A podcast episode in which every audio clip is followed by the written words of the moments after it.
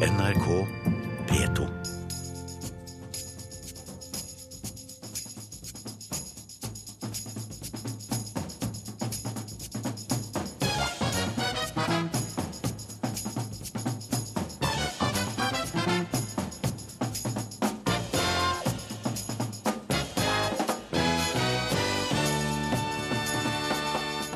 Syrisk flyktning skjønner ikke hvorfor Frp heller vil hjelpe i nærområdene.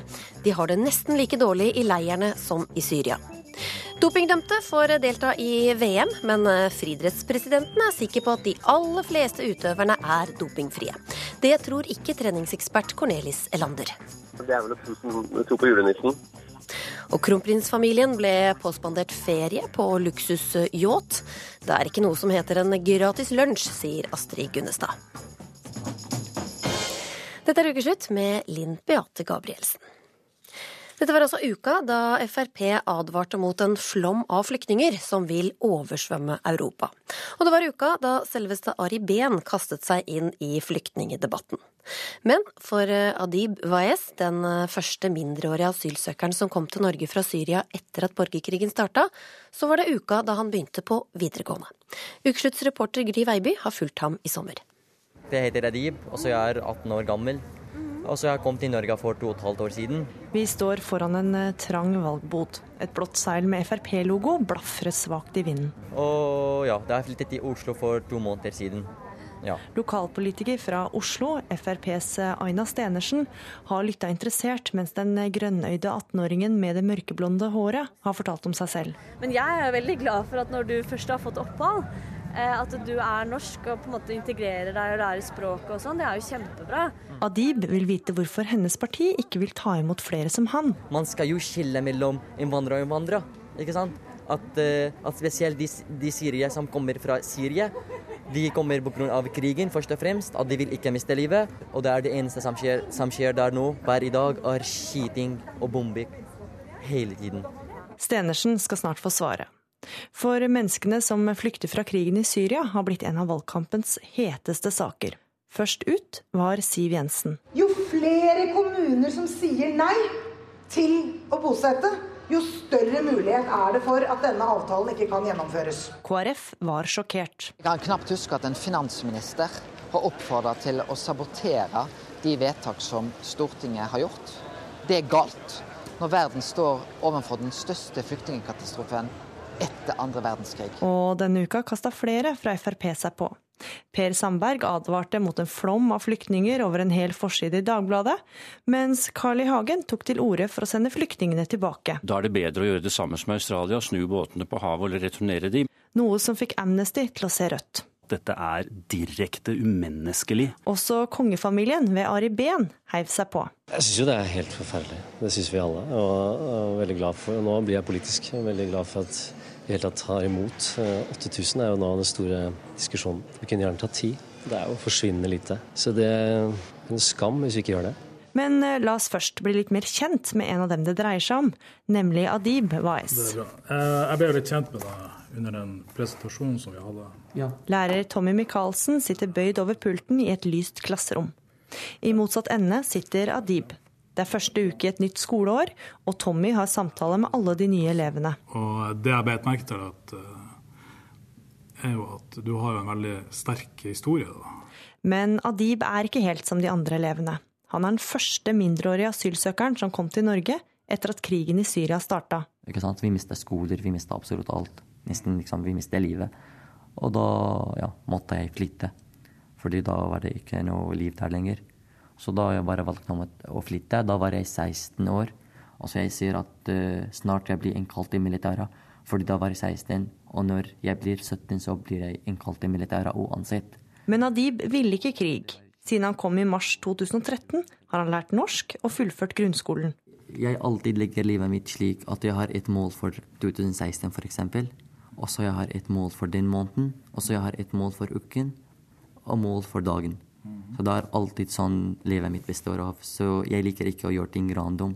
Hva er det, Har du sånn langtidsmål som du tenker liksom fem-ti år inn i fremtiden? Ja, altså Den langtidsmålen er jo selvsagt at jeg blir ferdig utdannet med god, med god karaktersnitte, med god erfaring, at jeg er klar til arbeidslivet. Det er den lengste målen som jeg har satt helt til nå. Adib har også et annet mål som ikke har noe med skolen å gjøre. Jeg bruker veldig mye tid på trening, fordi jeg har et plan med, å vinne en Norsk Talenter. Så Skal du vinne Norske Talenter? Ja, jeg har et plan for det. Og så jeg jobber veldig hardt for det. Så jeg trener eh, Snittet jeg trener fire timer om dagen. Hva da? Da Det går på breakdance, ikke sant? Ja, det går på breakdance, eh, tøying, eh, styrketrening osv. Og når du skal være med i Norske Talenter, da? Nei, altså jeg har planer om fem år. Ja. Innen fem år? Innen fem år. Men tilbake til norsk valgkamp. Mm. jeg er skikkelig imponert. Ja, det må jeg bare si. Altså. Adib har gjort inntrykk. Men Aina Stenersen står fast på at Norge ikke skal ta imot flere syrere. Vi vil gjerne altså, hjelpe flyktninger, selvfølgelig for vi har et sosialt ansvar. Men først så er vi nødt til å integrere de som vi allerede har. Men, uh, vil, vi, men de som er her allerede, de har det trygt. Og de, de, liksom, de, har, de har kommet seg i gang, og de har i livet allerede. ikke sant? Men de som er som er ute av landet. Så de har det absolutt ikke trygt. Så det går mer på menneskelig enn det som er å integrere de som er her allerede. Ikke sant? Du var altså hvis man ser økonomisk på det, så er det utrolig mange flere mennesker som vi kan hjelpe eh, i nærområdene, og som er i de områdene allerede. Det er egentlig som skjer, at når vi Syria flytter eller går til Tyrkia f.eks., der får vi absolutt ikke noe hjelp. Så de har det nesten like dårlig hvis, om de er i Syria. Bortsett fra at de kommer til å Det er bare trygt, men de har det nesten like dårlig. Men så tenker jeg at eh, Hvis Norge hadde sendt penger til nærområdene, så hadde vi et ansvar eh, for at de pengene ble vel brukt. Så den grunnen til at dere skal ikke ta imot, er fordi Og dere vil integrere det som er allerede på mottaket, for at dere tar imot. Ja. Det var hovedgrunnen ja, til at Frp ja. De to blir ikke enige. Og Adib forstår fortsatt ikke hvorfor Frp ikke vil ta imot flyktningene. Men mest av alt savner han hjemlandet slik det en gang var. Jeg ser de gatene hvor vi hengte sammen, jeg og vennene mine, liksom. Nå er det helt Fordi der kan man ikke dra igjen. Ikke sant? Der kan det Livet sluttet der. Ja, Så langt i år så har rundt 219 eh, 000 personer flyktet over eh, Middelhavet, ifølge Den internasjonale migrasjonsorganisasjonen. Og som vi hørte i saken, da, Carl I. Hagen vil at alle de som kommer over Middelhavet, skal eh, sendes tilbake. Og velkommen hit, Carl I. Hagen, FrPs førstekandidat i Oslo. Takk skal du ha. Hva slags problemer skaper flyktninger som Adib for Norge, som gjør at vi er nødt til å stoppe? La meg først si at jeg tar helt avstand fra at dere i NRK eller ARK kommer til vår stand uten noen avtale med kamera på, mikrofon på og begynner å stille våre folk spørsmål. Det er brudd på god presseskikk. Du skal forberede det. Så skal jeg svare på ditt spørsmål. Eh, Adib er vel ikke nødvendigvis typisk for alle flyktninger. Det kan, det, men han virket veldig bra, og jeg er sikker på at han gleder seg til å reise tilbake når vi forhåpentlig får fred i Syria om noen år. Det som er eh, utfordringen, det er at eh, Europa er under nå et sterkt press. Vi ser det i Makedonia, vi ser det i Ungarn. Tyskland skal regne med en firedobling, 800 000 flyktninger. Men hva slags problemer skaper det i Norge? Ja, Kostnadene og integreringsproblemene. Og det jeg har tatt ut, uttrykk for, det skyldes Schengen-avtalen og Europas yttergrense. Det er det jeg har snakket om. Vi kan godt gå over da på Oslo og Norge. Vi i Norge har vel en viss sum penger vi kan hjelpe med. Og da er det bedre å hjelpe 26 i et naboland. Og nå sa jo Adib at uh, Tyrkia fikk det ikke hjelp. La oss finansiere hjelp som gis i Tyrkia og i andre naboland. Da hjelper vi 26 istedenfor å ta én med gullbillett til Norge.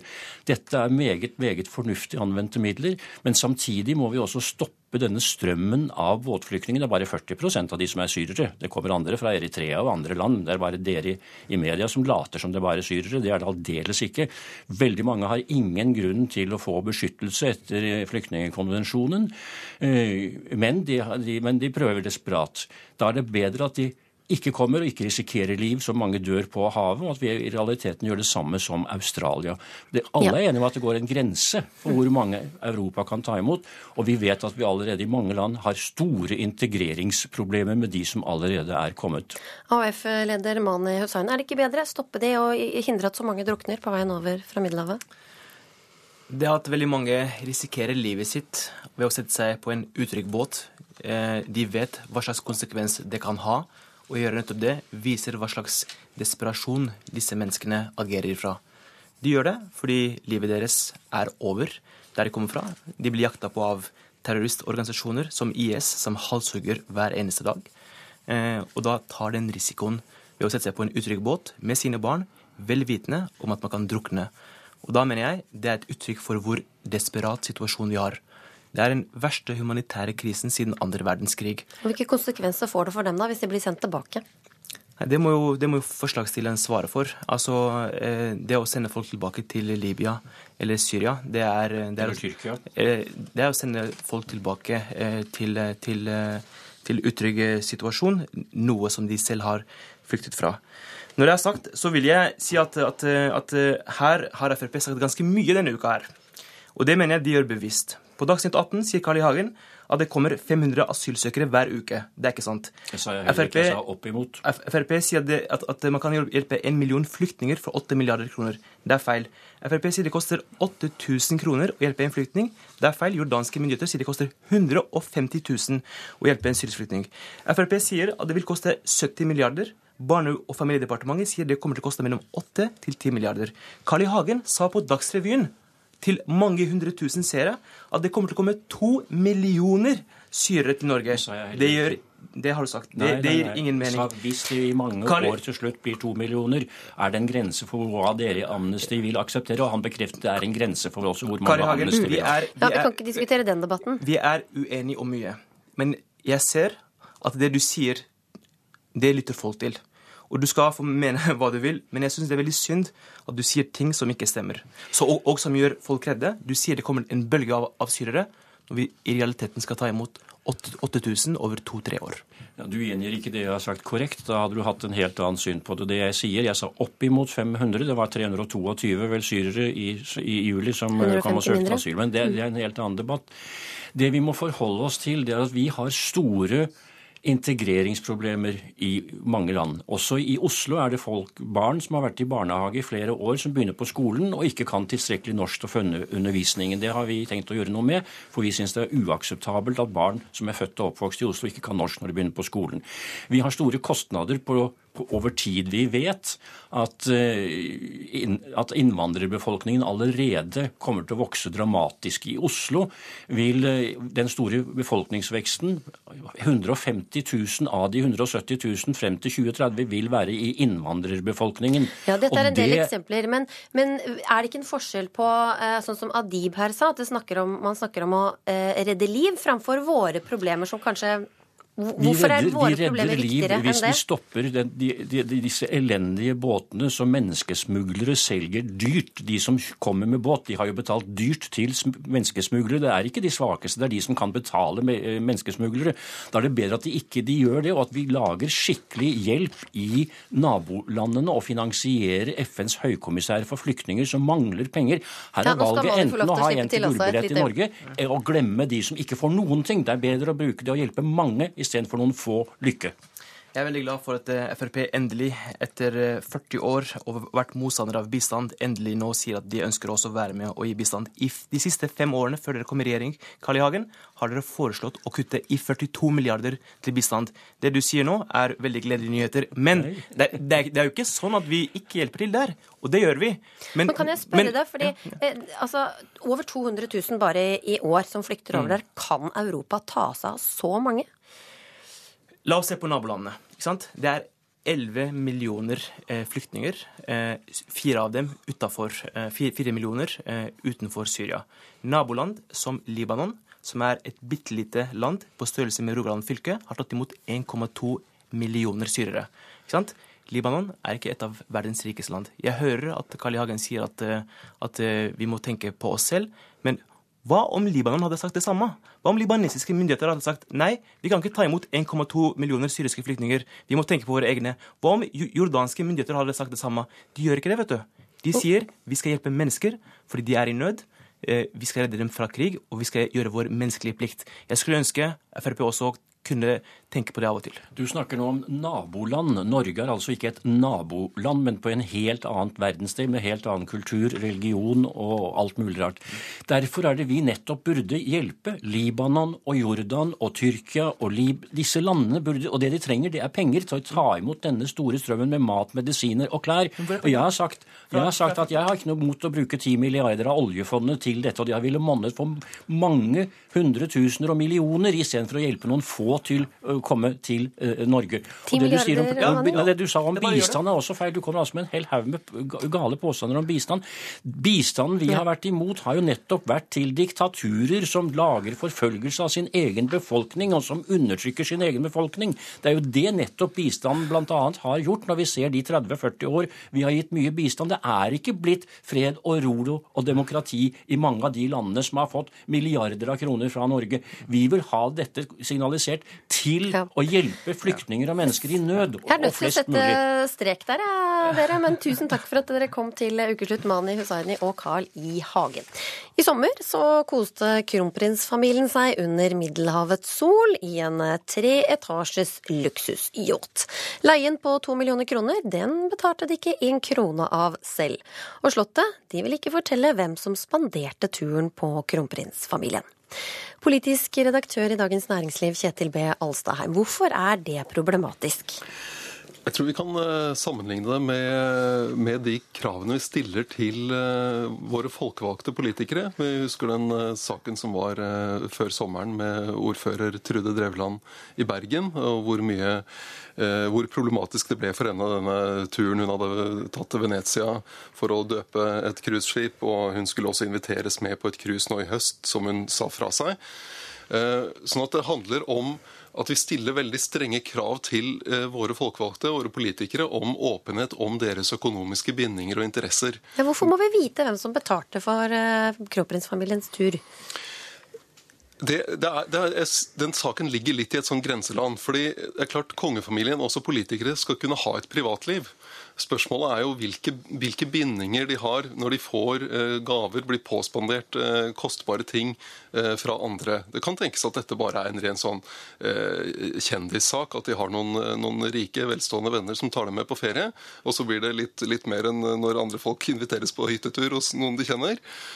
Men det kan også være noen folk som ha, også har næringsinteresser, og som kan ha en interesse av å bygge relasjoner til, til kongefamilien og kongehuset. For det er jo mange som kan tenke seg å ha litt av den eh, stråleglansen som, eh, som kongefamilien omgir seg med. Og at det skal drysse litt også over dem. Mm. Kari Lenmor, du er eh, sjefredaktør i Svensk Damtidning, som skriver mye om de kongelige. Og dere har vist bilder fra denne båtferien, flere enn hva norske blader har turt å publisere. Har det norske folket krav på å vite hvem som betaler for ferien til de kongelige? Jag tycker inte, gå, med. Jag tycker inte att det här spelar så himla stor roll faktiskt, vem det är som betalar. Svensk Damtidning vill ju bara visa bilderna. Vi vill visa lyxsemestrar som norska eller svenska kungafamiljen gör. I Sverige har vi ju haft en helt annan öppenhet vad det gäller det här. Eh, till exempel så var det en väldigt känd svensk miljonär som heter Bertil Hult som äger en språkskola över hela världen som, som bjöd kronprinsessan Victoria och Daniel på deras bröllopsresa. Han, de fick låna hans flygplan, de fick låna hans yacht och, och seglade med den i, i Söderhavet. Det här var kungafamiljen väldigt öppna med att berätta. Eh, jag tycker det är lite konstigt att er norska kungafamilj inte vill tala om vem som bjöd dem på den här lyxsemestern. Men jag tycker inte att det spelar så stor roll. Jag kan inte känna att jag blir speciellt upprörd över det. Är det, det Problemet her er jo at vi, vi vet ikke om det spiller en stor rolle. Det kan være eh, helt greit, men det kan også være problematisk. og Det er jo fordelen med åpenhet, at man får det frem, og så, så kan man forholde seg til det. Men, men det er jo helt riktig at det svenske kongehuset har en helt annen åpenhet om økonomiske forhold enn det norske har, bl.a. ved at de, de betaler jo skatt, så de kommer frem i ligningen. Og de eh, svenske aviser har også oversikt over hvem i den svenske kongefamilien som klarte seg best på børsen i fjor. Mens, ja, og hvem som äger vad, det ja, stämmer. mens den norske kongefamilien har et helt annet eh, hemmelighold om sin formue, og vil bare gi litt omtrentlige opplysninger. Astrid Gunnestad, du er eh, sjefsmeg i P4 og tidligere redaktør i Norsk eh, Ukeblad. Ja. Hvorfor tror du de holder dette her hemmelig, da? Ja, det er vel antagelig veldig pinlige årsaker til det, vil jeg tro. Du vet det er noe som heter at det finnes ingen gratis lunsj. Og det er klart når Altså, kronprinsen er jo vant til å tygge, for det gjorde han jo til 40-årsdagen sin også, og da var det annet et bidrags på et meget høyt beløp. Og er, hvem er det som gir det? Det er klart at eh, de venter noe tilbake. Jeg har for øvrig et godt forslag til kronprinsparet. Ja. De burde begynne å, å selge seg enda mer enn de allerede gjør og si at vi kan komme og kaste glans over selskapet vi tar. 350 000, det er Gro Harlem Brundtland tar for et foredrag, så de må kunne ta det. Og så kan vi trekke av det på apanasjen. For øvrig syns jeg det hadde vært innmari bra om vi fikk det samme systemet som i Sverige, at man hadde full åpenhet. Fordi dette er, som Dagbladet skriver i dag, et skikkelig mageplask. Og når både den ene og den andre begynner å reagere, så er det på tide at Slottet gjør det også. For jeg syns at dette er direkte flaut, altså. Hva syns du om dette forslaget, Alstaheim? Eh, Jeg tror nok det kunne være være et artig forslag hvis eh, konge, eh, kongehuset og monarkiet ble avviklet. Eh, jeg tror nok de kunne klart seg godt som en, en familiebedrift eh, innen event og, og det å opptre på altså, julebord og, og forskjellig. eh, hvis, hvis det skulle bli aktuelt. Men når de er i den rollen de er i, i dag, så, så kan de selvfølgelig ikke det. Men, jag ser det faktiskt ur en annan synpunkt. Jag tänker så här, jag bryr mig inte om vem som betalar det här, men jag tycker att det sticker i ögonen på folk att se att både ert norska och att vårt svenska kungahus är- vräker sin sån här lyx. Vårt svenska kungahus betalade 147 000 kronor dygnet för att vara på en yacht nere i Medelhavet nu i, i somras. Och jag tycker att det sticker i ögonen på det svenska folket. När, när vi vanliga svenskar åker på campingsemester eller bor i husvagn så bor de på lustjakt för 147 000 kronor. Det tycker jag är irriterande. Men hvem som betaler spelar inte så stor Jo, men jeg er ikke så sikker på det, du, på grunn av det at eh, Märtha Louise fikk jo en hest en gang for noen år siden, Ja. og av en meget rik nordmann. Og som takk for det så kvitterte kongeparet med å åpne et varehus i Riga. Så det er klart at eh, det er altså en gave, så forventer man noe tilbake. Og herregud, den som har betalt den derre yachten, det kan jo for alt det jeg vet, kan jo være en mafios fyr nede i Italia. Det, jeg tror det ikke, men jeg vet jo ikke, så det kan jo tenkes. Jeg er mer opprørt over miljøaspekten i det hele, og det syns jeg ni skulle være også. Her, här åker de på yachter i Medelhavet og fullstendig spyr ut avgaser og diesel. Det skulle ta meg 28 år av å panta flasker for å, å, å miljøveksle mot denne båtferden. Medan i, så- sam, i, dag er det faktisk så at just i dag, denne lørdag, så promenerar eh, kronprinsessan eh, Mette-Marit och kronprinsessan Victoria en miljömarsch i Strömstad i, i Sverige. Det rimmar väldigt illa att man då och då tycker att man kan kosta på sig att kasta en liten, en liten blink till miljön medan man själva spyr ut så vansinnigt mycket miljöfarligheter. Det tycker jag är värre. Begynner å bli langt mellom liv og lære på kongefamilien? Altså, all- alle i den type posisjon må jo uh, regne med å kunne få uh, den slags spørsmål. Uh, eh, så eh, så det, det må jo kongefamilien også. Problemet er at de, de i liten grad går inn og svarer på det. Men for å, for å illustrere litt da, eh, forskjellen her i åpenhet mellom norske politikere og det norske kongehuset, så, eh, så var det jo en sak her for et par år siden der det ble skrevet om at kronprinsesse Mette-Marit får eh, eksklusive kjoler, vesker, sko fra internasjonale motehus. Eh, Og hun brukes på en måte som en eksklusiv mannekeng, da, eh, merkevarebygging for disse motehusene. Men eh, Slottet ville ikke oppgi hva hun hadde fått, hvor mye hun hadde fått, hva verdien av dette var.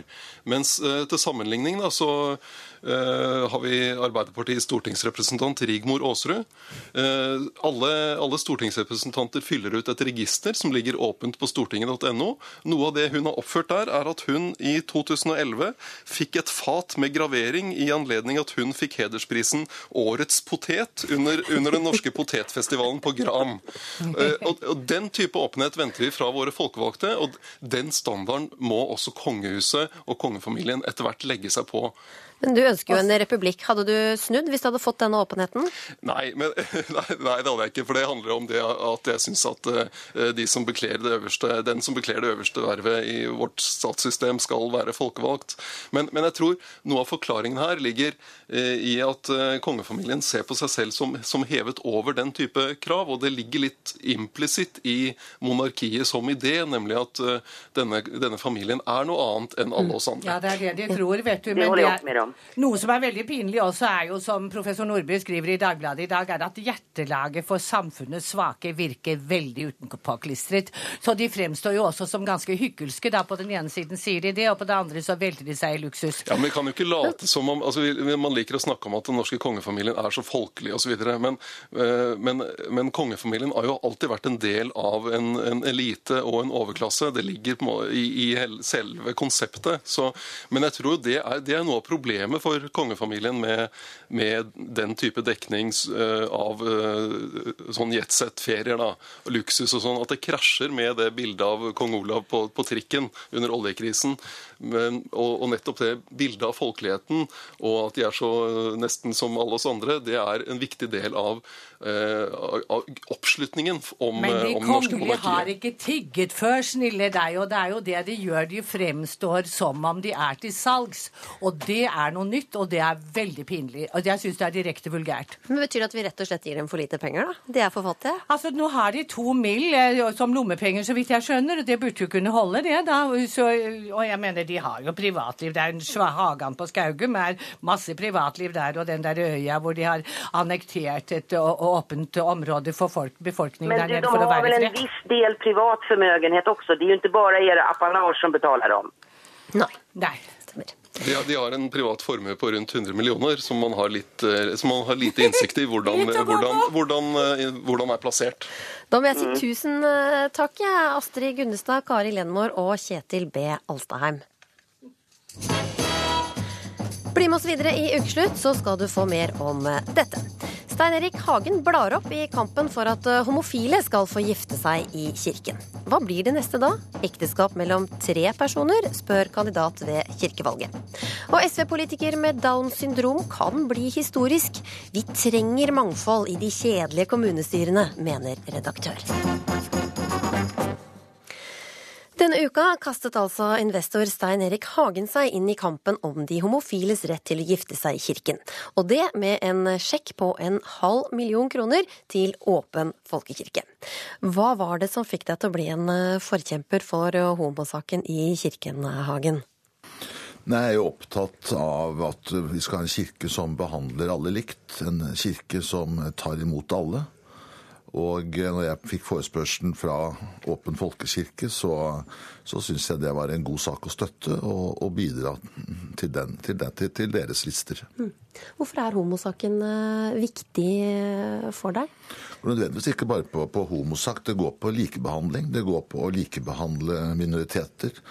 Eh, Jeg husker jo godt da jeg var liten gutt og Ingrid Bjerkholt ble den første kvinnelige prest. Det var jo ramaskrik. Eh, Og i dag så har vi jo til og med kvinnelige biskoper, og preses i kirken er jo også kvinne. Så, så det som var utenkelig før, det er blitt helt, helt normalt nå. Sånn tror jeg også det er med denne saken. At, at vi må ha en åpen, inkluderende kirke, og at også homofile må ha, få lov til å gifte seg i Den norske kirke. Ja, hvorfor må de få lov til det? Syns jeg er hvis man tilhører kirken og to mennesker eh, av, har kjærlighet til hverandre og ønsker å få det befestet eh, i kirken, så syns jeg de absolutt må ha samme rett som, som andre. Og vi lever i et demokrati. Vi lever i et samfunn hvor det er likestilling mellom raser, kjønn, tro. Og da må det også være likestilling med seksuell legning. Og det syns jeg er helt naturlig, og det er helt overbevist om at tiden kommer til å, til å gå den riktige veien. Jofrid Brennesæter, du er student og kandidat ved kirkevalget, og vil ikke la homofile få lov til å gifte seg i, i kirken. Hva, hvorfor ikke? Jeg mener det er veldig viktig at vi har et fundament for hva et ekteskap er. Og det fundamentet finner vi i Bibelen med en skaperordning. At Gud skapte menneskene til mann og kvinne, til to forskjellige halvdeler som passer sammen, og som skal bli ett i ekteskapet. Og jeg tror at hvis vi går bort fra denne forståelsen av eh, en skaperordning og et ekteskap som er fundert på det, så mister vi eh, hele den forståelsen av ekteskapet. Og da blir det vanskelig å, å ha et fundament for ekteskap i det hele tatt. Hvorfor, hvorfor, eh, hvor får man tallet to fra, hvis det ikke lenger er to som er skapt til å bli ett, f.eks.? Eh, så jeg mener at hvis vi går bort fra denne forståelsen med en skaperordning, at Gud har skapt oss til mann og kvinne, så mister vi noe veldig viktig, og da, da mister vi hele forståelsen av hva et ekteskap er. Og hvilke konsekvenser vil det få hvis uh, homofile også får lov til å gifte seg i kirken? Det uh, viktigste her er å, å, få en debatt rundt hva er et ekteskap. Hva, uh, hva er forståelsen av et ekteskap, og hvor kommer den fra?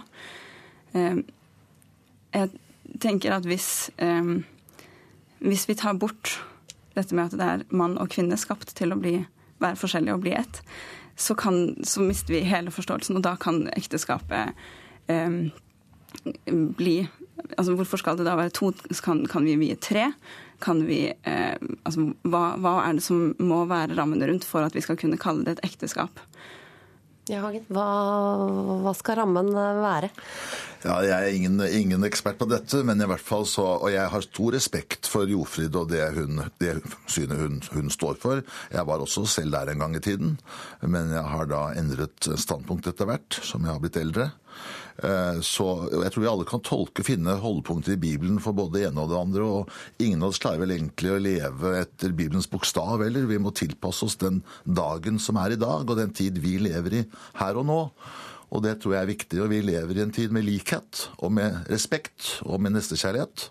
Men du tror og... ikke det vil endre selve ekteskapet Nei, jeg tror, hvis det er like likekjønnet? Jeg, jeg, tror ikke det. Jeg tror ikke det. Og jeg tror altså, Dette med å lage barn og alt dette er vel det, det er noe så, men, men om to heterofile gifter seg og ikke får barn? Altså, at dette blir jo, Det blir jo veldig vanskelig. Men her har vi forskjellige standpunkter, og vi må respektere hverandre. Og vi har en demokratisk folkekirke, og da får Kirken selv avgjøre dette spørsmålet, og det gjør medlemmene gjennom gjennom dette valget. Mm.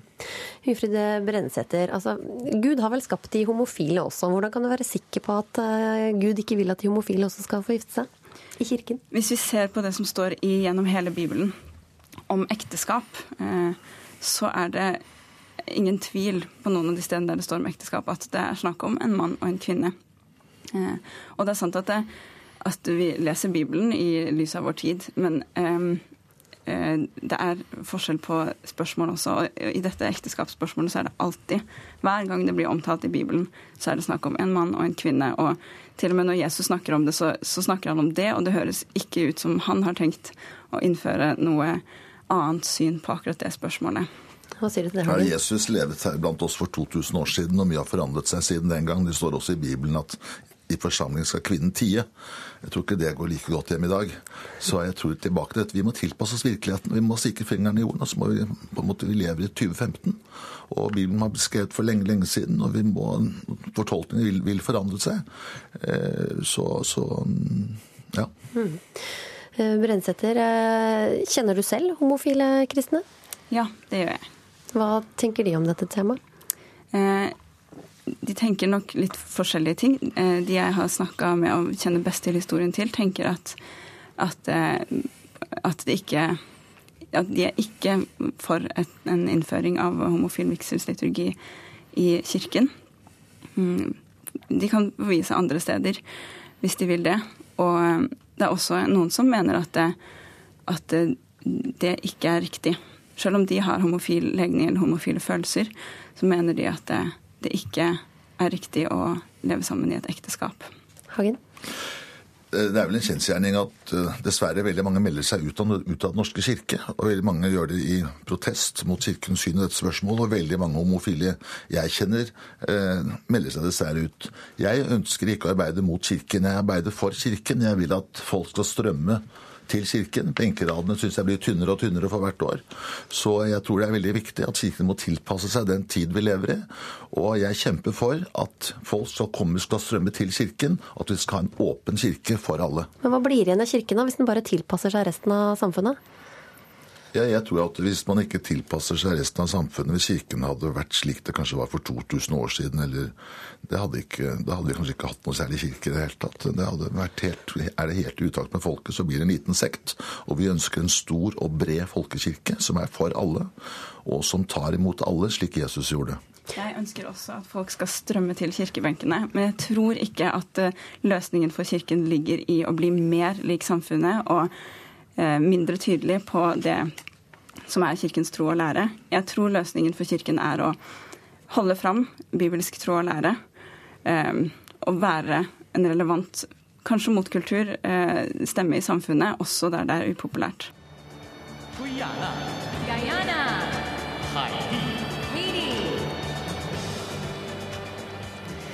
I natt startet eh, VM i friidrett i Beijing med en eh, storslagen åpningsseremoni som begynte for eh, omtrent halvannen time siden på stadion Fugleredet, av noen omdøpt til Dopingredet. For flere av utøverne som deltar, er tidligere dømt for doping. Friidrettspresident Svein Arne Hansen er selvsagt på plass i Beijing, og vi snakket med ham rett før det hele braket løs. Vi spurte ham hva han synes om at det er blitt kalt et VM i doping.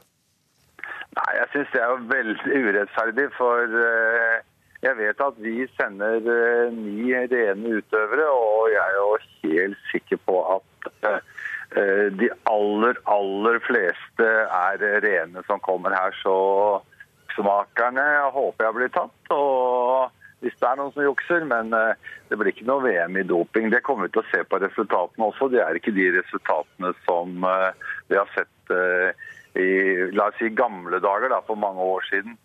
Men Hvordan kan du være så sikker på at, eh, at det er så mange rene? Nei, altså, jeg, Man må jo tro det beste om folk, så man, ligger man dårlig an i livet. Helt klart. Man å gå rundt og mistenke folk. Ja, Det tror jeg ikke bringer noe som helst godt inn oss eh, fremover. Og Vi tester jo veldig mye i Norge, og det testes veldig mye. Ingen skal si at ikke friidretten tester. Det er jo det idretten som tester i absolutt mest, hvis du går inn og ser på statistikken av greier. Og Derfor blir det også tatt flere i friidrett enn det er i andre idretter. Men søndag så er det finale 100 meter med flere tidligere dopingtatte som antakeligvis kommer til å stå på startstreken der, bl.a. favoritten Justin eh, Gatlin. Hvorfor er det greit at de får eh, delta, de som er dømt? Jo, for det, altså, Dette kan man like eller ikke like, og personlig liker jeg det ikke helt. Men det er jo det at har man sonet sin straff og gjort nok for seg, så får man uh, være med igjen. Og det er det slik det er i, i samfunnet ellers, og slik er det også i friidretten. Og vi har ikke andre virkemidler enn de å følge de lover og regler som vi har. Hvis det hadde vært som jeg ville ha det for mange år siden, livstid for uh, utestengelse for livstid, hadde vi ikke hatt dette problemet. Hvordan påvirkes konkurransen når dopingdømte får være med? Nei, men altså, De er som sagt, de har sonet straffen og kommet tilbake.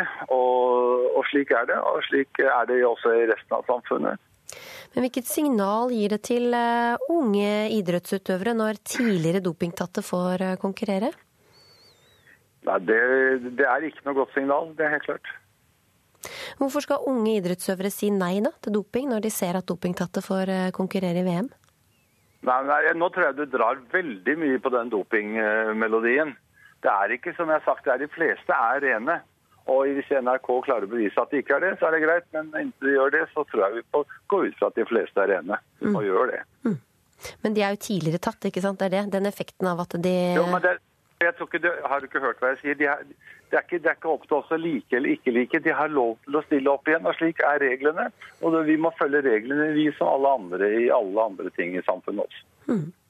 Men du er eh, friidrettspresident i Europa, påtroppende styremedlem i Det internasjonale friidrettsforbundet, som jo skal rydde opp i, i det, det, her. Eh, hva, hva, er viktig for deg å, å, gjøre? Hva mener du bør gjøres? Nei, altså Det vi må gjøre er at Og jeg har en eh, eller jeg har laget en liste på ti punkter som jeg tror at kan være med å gjøre dette her at vi i fremtiden slipper å se eh, dette forferdelige tinget som heter doping i idretten, og særlig da i friidretten. Kan du komme med noen eksempler fra lista di? Nei, jeg vil vente til jeg har snakket med vår eh, antidoping- og medisinske komité. For jeg er eh, frimerkehandler og frimerkesamler og har lite medisinsk kunnskap. Så det tror jeg jeg må snakke med andre om før jeg gjør. Men Vil du jobbe for, å, for at det skal bli utestengelse på livstid for de som blir tatt for eh, doping? Ja, jeg vil jobbe for det, men om det er mulig, det vet jeg ikke. Vi har tapt den eh, kampen i retten en gang før. Så, men jeg tror at jeg tror at mye har forandret seg siden den gangen. At det kanskje nå er mulighet til å komme frem med dette her. Det sa altså friidrettspresident Svein Arne Hansen. Og Cornelis Elander, du er personlig trener i Hollywood og treningsekspert i Nettavisen. Du frykter at flere unge vil dope seg som følge av at dopingdømte får stille i VM. Hvorfor det?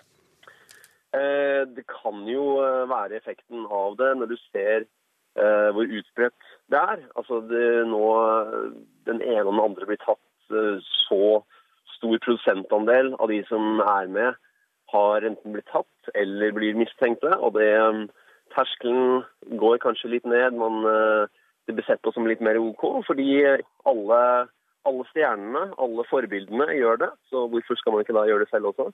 Så det er veldig uheldig. Eh, Hvordan opplever du at utviklingen er når det gjelder unge og doping? Altså Når det gjelder ren eh, styrketrening og på klassiske treningsstudier og sånt, så har jeg de siste årene merket at eh, eh, tendensen har forandret seg. I gamle dager i gåsene, så var det mer en liten, kanskje lukket gruppe som man på en måte veldig tydelig kunne se at brukte seg av ulovlige preparater. Eh, mens i dag så virker det som det er mer eh, allmennbrukt. Altså det er noe som eh, veldig veldig mange bruker kanskje litt mindre av hver, men veldig mange flere benytter seg av det. Hender det at du får spørsmål om det? Ja, altså jeg har jo snakket om det her i Media Norge en del år nå, og har vært veldig eh, eh, både kritisk og bekymret for utviklingen. Eh, altså når jeg da f.eks. Eh, mottar e-mails og blir kontaktet av gutter helt ned i 14-15-årsalderen som eh, spør om hva man kan bruke og bør bruke osv., så, videre, så er det ekstremt eh, farlig og skremmende utvikling. Friidrettspresidenten han tror at utøverne nå er rene i VM. Hva tror du? Ja, det er vel å tro, som, tro på julenissen. Eh, man trodde jo i mange år at eh, Armstrong eh, var ren også. Den ene etter den andre har blitt, har blitt tatt og avslørt. Jeg skulle gjerne ha trodd det samme, men dessverre. det, det har på en måte den, den drømmen om å ha en ren idrett, den har i mine øyne forsvunnet. Takk skal du ha, Cornelis Elander. Kommunestyrene rundt om i Norge er kjedelig like. Det mener forfatter og redaktør for Kvinneguiden, Susanne Kaluza.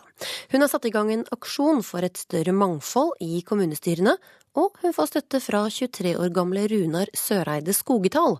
Han vil bli den første lokalpolitiker med Downs syndrom. Og selv om han kan bli historisk den 14. september, ja, så vil han gjøre som alle andre lokalpolitikere. Jeg har lyst til å sitte på en stol og drikke kaffe. Hei, vil dere stemme på SP? Møt Runa Søreide Skogedal, 23 år og kanskje historisk. Vil du være med og melde på SP? Skal jeg? Ja, du må. Nei, jeg må ikke. Jo. Hvorfor? Og Sverre skal vi melde på. Sier også at han skal melde seg på, Ja. og da må jeg òg. Ja. SV-politikeren er effektiv når han samler inn røyster i Fitjar sentrum. Runar står på sjetteplass på SV sin liste til kommunestyret i Fitjar. 14.9 kan han bli den første med Downs syndrom som blir valgt inn i lokalpolitikken. Det er bilde av meg. Og så er det bilde av eh, Audun Lysbakken. Fra framsida av lokalavisa Fremtida smiler en ung mann med hvit caps og svarte solbriller mot oss. Om Runa blir valgt inn i politikken, så vil han kjempe for arbeidsplasser og bedre fritidstilbud for utviklingshemma i Fitjar. Og ikke minst Fint fjær, og så er det liksom fred og ro. Flesteparten av de som sitter i kommunestyrene er jo eh, middelaldrende, grånende menn. Eh, Menn mellom 40 og 50 år er den største gruppen. Etnisk norske. eh, Heterofile. I en lysleilighet langt fra Fitjar sentrum beskriver forfatter og redaktør for Kvinneguiden Susanne Kalutza et eh, gjennomsnittlig norsk kommunestyre. Det er litt kjedelig at alle er like. Og det, altså, fordi lokalpolitikerne våre skal, skal speile befolkninga. Um, og det, det gjør ikke det i dag. Kalutza har satt i gang en aksjon for å få mer mangfold inn i kommunalt styre og stell. Akkurat den eh, utrolig skeive kjønnsbalansen og den utrolig eh, homogene gruppa som sitter med makt i kommunestyrene, det er veldig lett for oss å gjøre noe med. Det eneste vi trenger å gjøre, er å tenke gjennom når vi står i stemmelokalene, hvem er det jeg vil at skal representere meg? Og så sette kryss for de på den lista eh, som du har valgt. Så først bestemmer du deg for hvilket parti du skal stemme på, og så setter du kryss for de som du faktisk tenker at kan representere deg. Hadde du stemt på en med Downs syndrom for å eh, kjempe for dine saker i kommunestyret?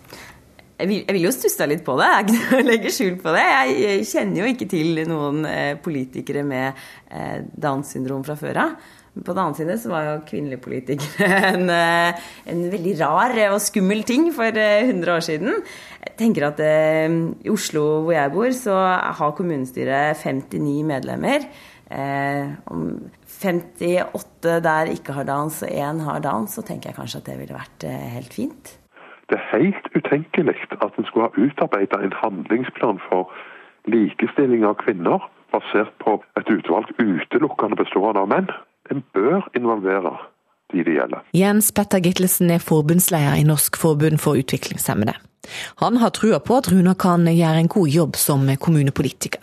Det er ingen lett jobb, men så er det heller ingen andre som makter den jobben 100% En fordeler saker, en prioriterer saker, mange har rådgivere.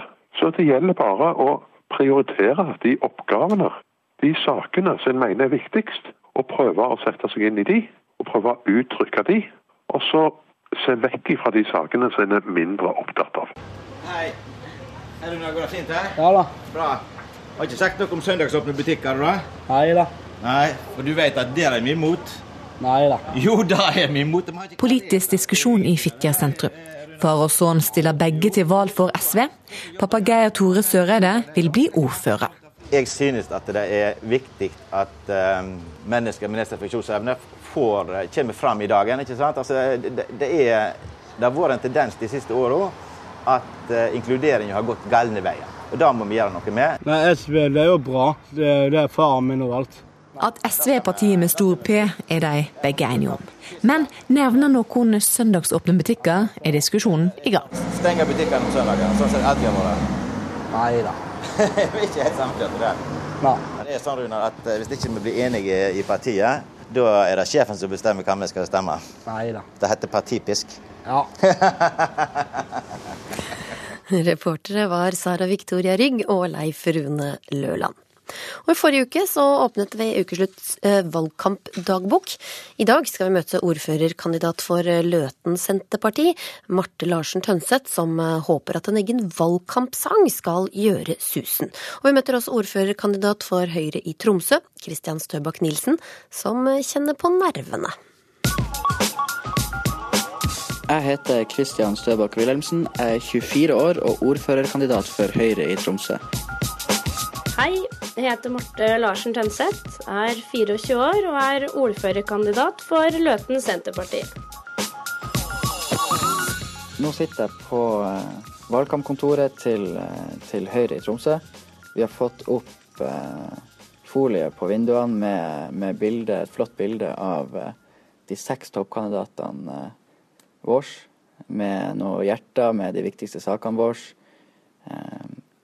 Eh, og eh, i dag, etter at jeg har mast i kanskje ei uke, så har vi fått opp en, eh, en vegg med, med, en del uh, avisoppslag som, som, vi har hatt uh, i det siste. Så den gleder jeg meg til å bli fylt ut uh, i løpet av valgkampen. Det kan hende vi trenger en vegg til. Ja, nå sitter jeg i bilen, er på tur til pakking av brev til førstegangsvelgere. Og um, jeg er litt forsinka, for jeg ble stående på butikken og prate med en innbyggere. Men det um, er jo en del av um, derfor jeg driver med det jeg driver med. Så da får forsinkelse være forsinkelse. Da står jeg utenfor Arendal kino, klar til debatt om hva som er god eldreomsorg. Der skal jeg sitte i panelet med Senterpartiet, Miljøpartiet, Arbeiderpartiet og eh, Fremskrittspartiet og Carl I. Hagen. Jeg er ganske nervøs. Ja, da har jeg møtt en Trygve og Hamar Arbeiderblad. Og det var en utrolig fin start på en mandag med latteren og humøret til Trygve. Og samtidig fikk vi fram et uh, veldig tydelig budskap, og journalisten han skrev så blekket spruta. Og pressemøtet det mm, gikk unna på en 40 minutter, og da fikk vi tatt både bilder og utført intervju på kommunegrensa. Så avslutta han Trygve og jeg med en eh, selfie i en kjempefin mathveteåker i Løten. I dag har jeg begynt jeg dagen med en, eh, en sesjon med LO Aktuelt. Og vi eh, måtte, for å få et godt bilde, var jeg nødt til å hive meg på sykkelen og finne frem sykkelhjelmen og sykle opp i det som kalles for Tromsømarka, som er en juvel midt på Tromsøya. Så uh, har jeg møtt Kommunal Rapport sammen med Rødt sin ordførerkandidat. Og uh, vi fikk uh, Vi ble litt engasjert begge to, så vi fikk nå krangla litt også.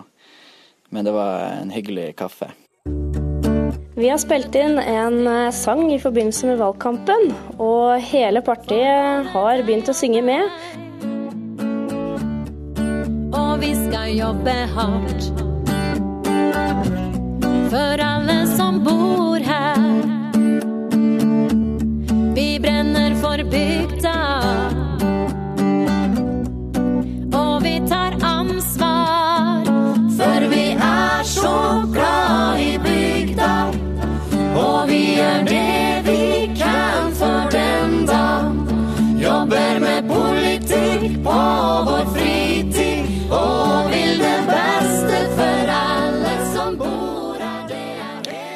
Vi har opplevd noen eh, deilige sommerdager i det siste, men eh, noen aviser skriver at dette blir den siste sommerhelgen. Hva sier du, meteorolog Bente Wahl?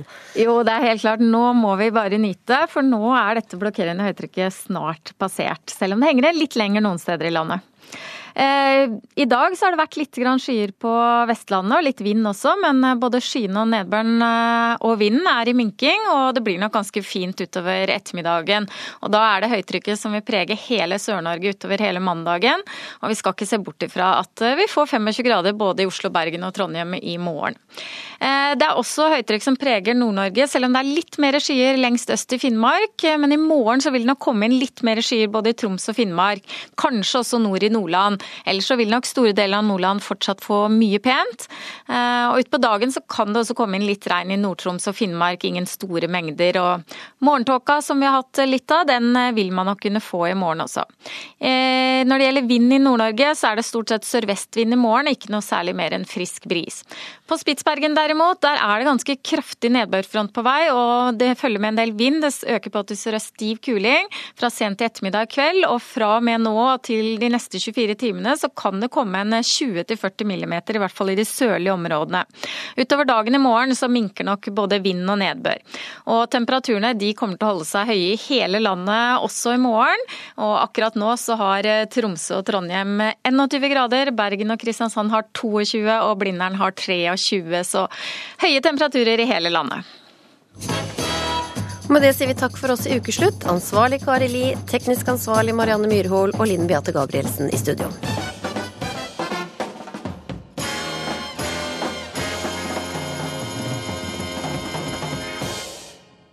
Hør flere podkaster på nrk.no podkast.